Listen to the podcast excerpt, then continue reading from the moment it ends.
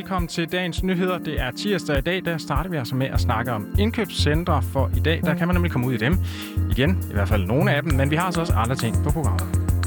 Det har vi nemlig, for senere der zoomer vi ind på fænomenet fake news. I dag er der nemlig digital høring om emnet, både fordi politikere og forskere mener, at vi skal bekæmpe fake news, men hvorfor er det egentlig så vigtigt, det ser vi nærmere på. Ja, og til sidst så er der altså hele to minister i samråd om grønne uddannelser, og vi taler med hende, der er indkaldt til samrådet.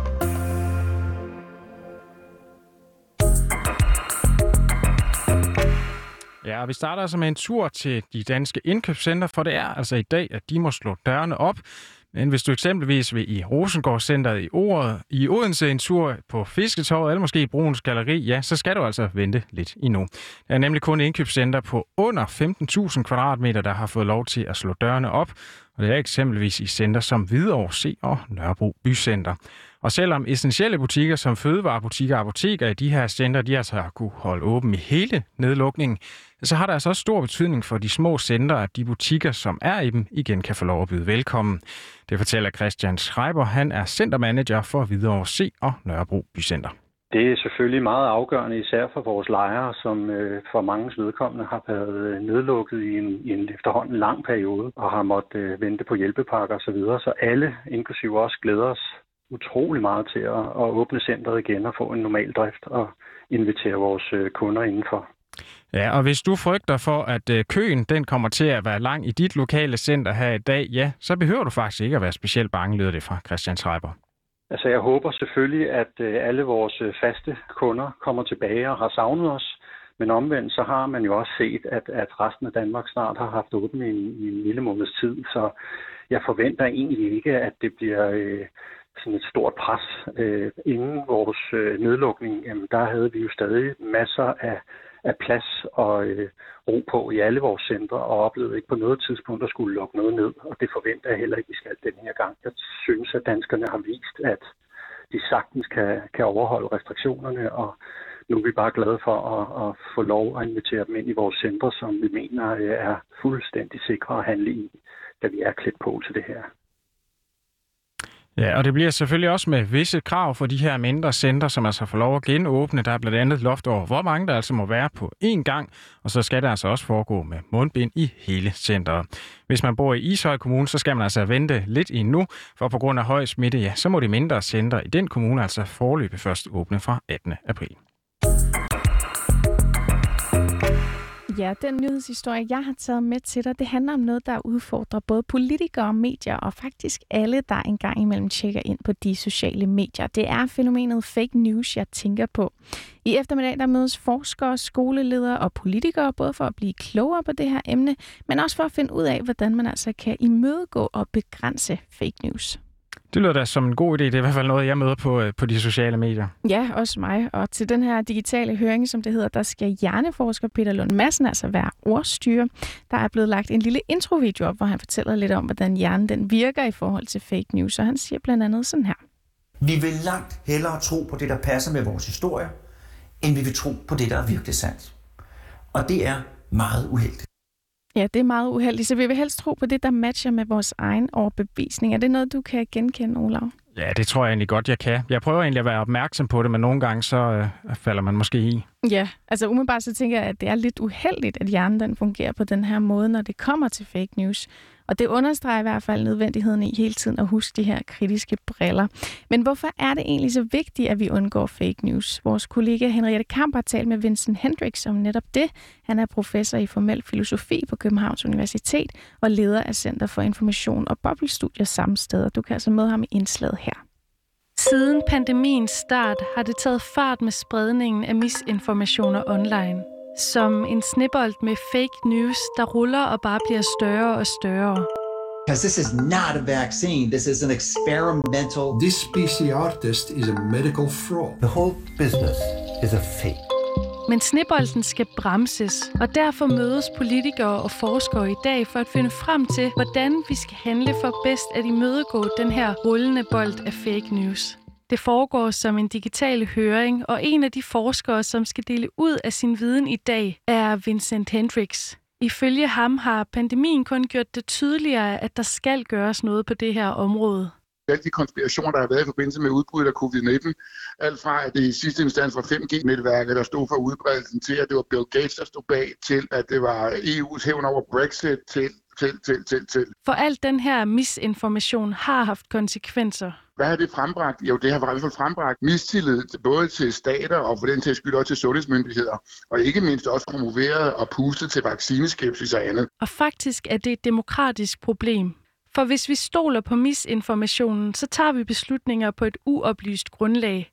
Og det er skidt, særligt når der er valg. Vi skal bruge information til at tage kvalificerede beslutninger om alt fra, hvilken kummefryser vi skal købe næste gang, til hvor vi skal sætte krydset. Og hvis der er nogen, der kunne finde på at lege med den information på en uhensigtsmæssig måde, jamen så betyder det ikke nødvendigvis, at vi kvalificerer vores beslutningsgrundlag i demokratiske anlægninger. Det her med løgne og opdigtede historier er ikke noget nyt. Men der er altså en ting, der gør det særligt problematisk nu, fortæller han. Vi har altid haft fake news. Det er der i og for sig ikke noget nyt i. Det har vi haft lige så længe, vi har haft en presse. Men vi har ikke haft det med den rækkevidde og den hastighed, hvor det kan transportere sig selv på den infrastruktur, som de sociale medier blandt andet stiller til rådighed.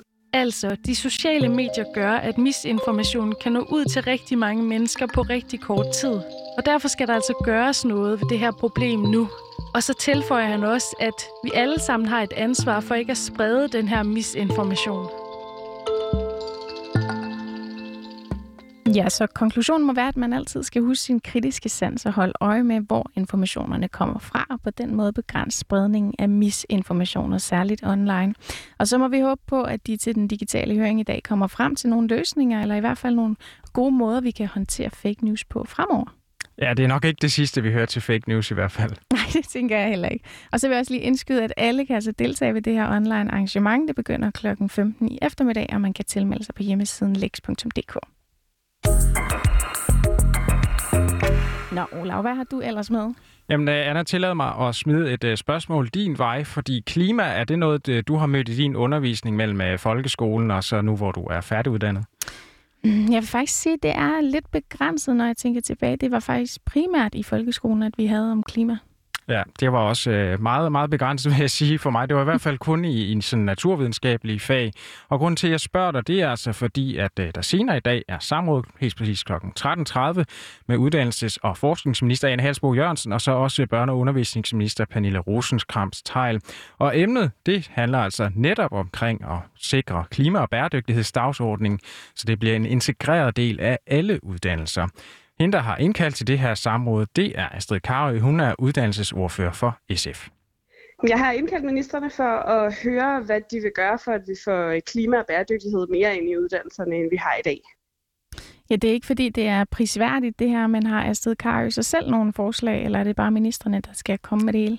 Ja, altså Karø og SF, de har faktisk også selv gjort sig nogle tanker omkring, hvordan man kan få mere grønne uddannelser.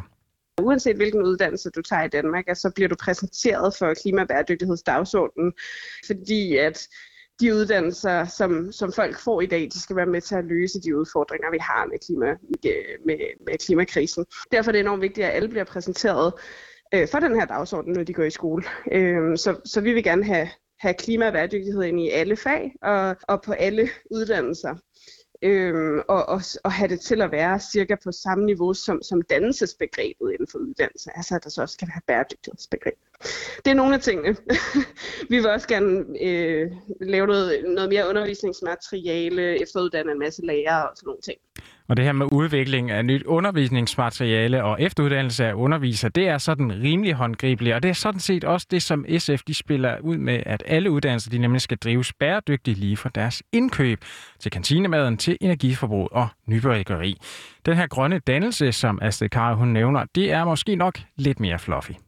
Altså, jeg tror faktisk, man kan gøre det så konkret som at sige, at folk skal møde det her, når de går i skole og går på deres uddannelse. Og det er både fordi, man skal være bevidst om, at vi alle sammen har et ansvar, men også fordi, at man rigtig mange uddannelser, for tag for eksempel erhvervsuddannelserne, der er rigtig mange af dem, der kommer til at spille en markant vigtig rolle, hvis vi skal nå i mål med, med at løse klimakrisen og med 70% målsætning. For eksempel ved at have bæredygtigt byggeri. Man er murer eller elektriker, øh, så er det ekstremt vigtigt, at man, øh, man har fokus på det, også på uddannelserne. Så det er jo Både fordi vi alle sammen skal være opmærksomme på den her problemstilling, men sådan set også fordi, at de uddannelser, de, det vi uddanner folk til, er i høj grad at skulle være med til at løse de her udfordringer. Det lyder måske lidt fluffy, men, men egentlig handler det netop om det her med at, at få sikret, at det her sker ud på uddannelserne, sådan så vi får nogle dygtige håndværkere, nogle dygtige ingeniører, nogle dygtige sociologer i fremtiden, som kan hjælpe med at løse den her krise, vi står overfor.